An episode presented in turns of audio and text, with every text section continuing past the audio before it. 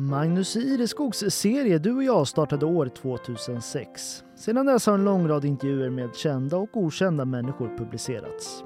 Den gemensamma nämnaren är alla människoöden som skildrats genom åren. Nu släpps intervjuerna även i poddformat inlästa av Magnus Ireskog själv. Det här avsnittet det handlar om två grenar av en släkt som separerades av tidens oginhet men där kärleken återställdes efter 150 år. Och så hittar vi släkttrådar som leder från Gotland till en av Sveriges största hjältar genom tiderna, Raoul Wallenberg. Efter nära 150 år förenades den svenska och amerikanska grenen av släkten. Den som ofrivilligt separerades av tidens oginhet. Det är en seger för kärleken att i någon mån återställa det som borde ha varit, säger Anna-Klarin Martin Löv i en intervju från sommaren 2021. Anna-Klara är bosatt i Stockholm och till yrket kommunikatör på Karolinska Universitetssjukhuset. Men rent privat har hon släktband till Gotland och vistas ofta på ön. Framförallt har hon ett gediget intresse för släktforskning. Det är så hon kommit den historia på spåren som här kommer att berättas. Det är en historia om kärlek som inte tilläts blomstra i sena 1800-talets Visby. Om blivande föräldrar som av yttre tvång skildes åt. Om en graviditet som till varje pris skulle döljas och om hur den så småningom födda dottern Agnes sändes till Amerika.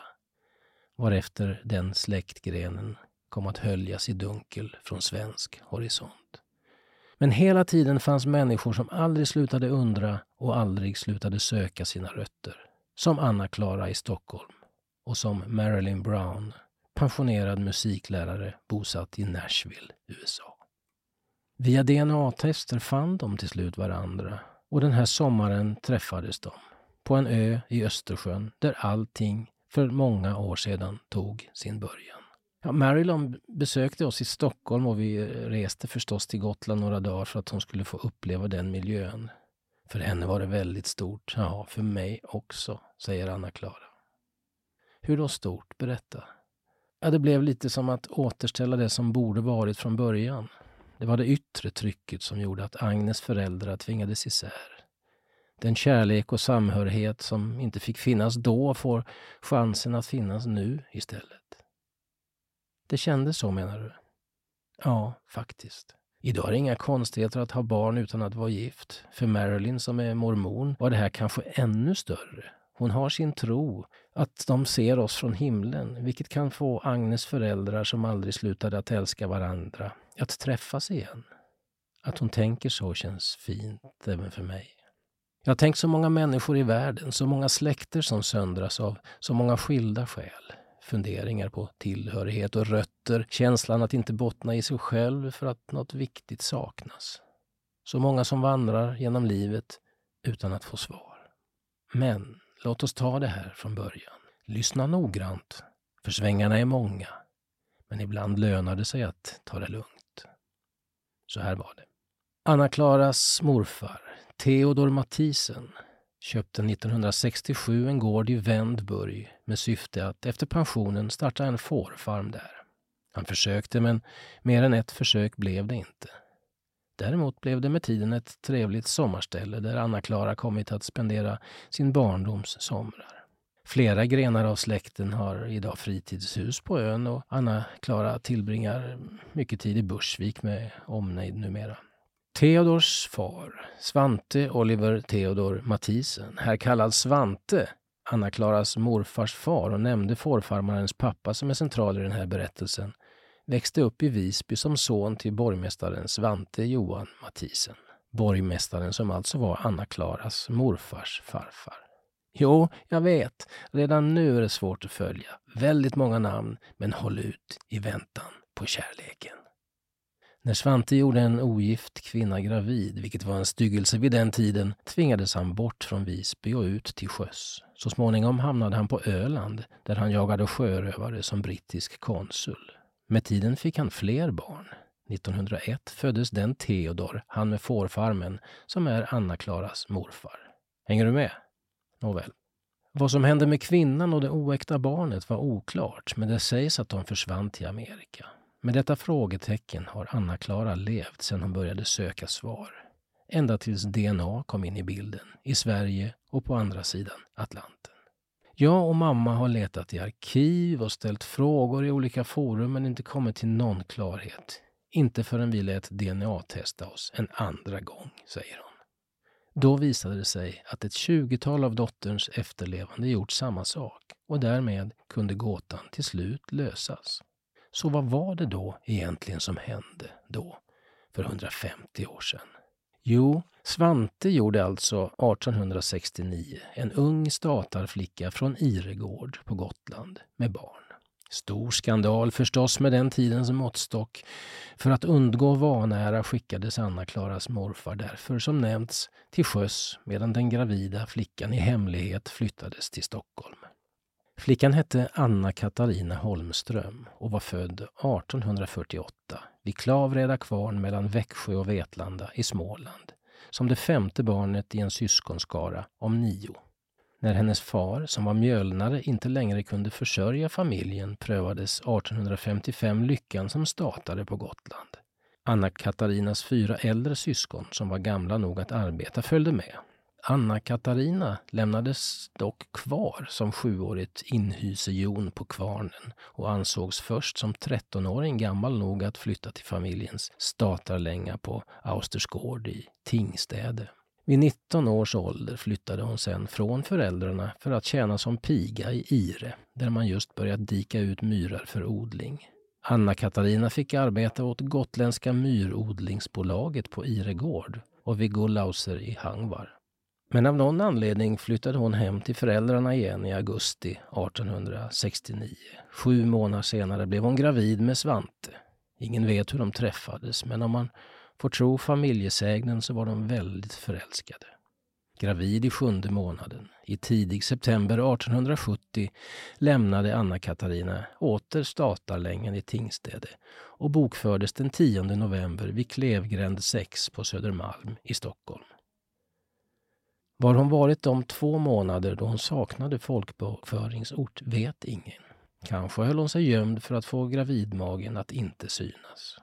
Och varför skickades hon alls till Stockholm? Även här finns kvarvarande frågetecken. Kan hända var det Svantes styvmor, danskan Anna Hansen, som gift sig med borgmästaren sedan dennes make Olivia dött i barnsäng, som tvingade iväg henne. Hon lär ha styrt och ställt på Spexrum där familjen bodde. Kanske tvingade hon sin styvson att förskjuta sin kärlek för att rädda familjens heder. Två veckor efter folkbokföringen på Söder föddes Anna Katarinas och Svantes dotter Agnes på Skomakaregatan i Gamla stan. Möjligen på någon inrättning där ogifta flickor kunde föda utan att väcka uppmärksamhet. Här är vi nu i historien. Två människor som älskar varandra men som tvingats isär och nu har Östersjön mellan sig. Svante, som tvingades till sjöss, kom att vänta i 29 år innan han gifte sig med en annan kvinna, Konstanze, och 1901 alltså blev far till Anna-Klaras morfar. Svante dog 1914, men berättade för sin son Theodor, han med fårfarmen, om halvsystern på andra sidan Atlanten och Anna Katarina träffade en tid senare i Stockholm skomakarlärningen Karl Georg Hjert och fick med honom ytterligare ett barn, Agnes halvsyster Emma. I december 1873, då Emma fyllt ett år, gifte sig Anna Katarina och Karl Georg. Agnes hann även få en halvbror innan Karl Georg avled i tuberkulos 1877. Fyra år gammal skickades Emma till farmor och farfar i Småland medan Agnes 1880, när hon var tio år, följde med familjen Tullgren, som det står i arkiven, till Amerika. Först tolv år senare flyttade även mor och syskon över Atlanten och slog sig ner i Utah sedan Anna-Katarina gift sig med en svensk mormonmissionär. Också Agnes gifte sig med en svensk mormon och fick med tiden en stor familj med barn och barnbarn av vilka alltså ett sommaren 2021 återsett sina rötter på Gotland. Drygt 140 år efter familjens ofrivilliga separation. Det är inte utan att hon är en aning rörd, Anna-Klara Martin Löv, av att släkten återförenats. Så många frågor som funnits. Nu finns en känsla av att någonting blivit helt. Nu då, när ni hittat varandra? Är din mission avslutad?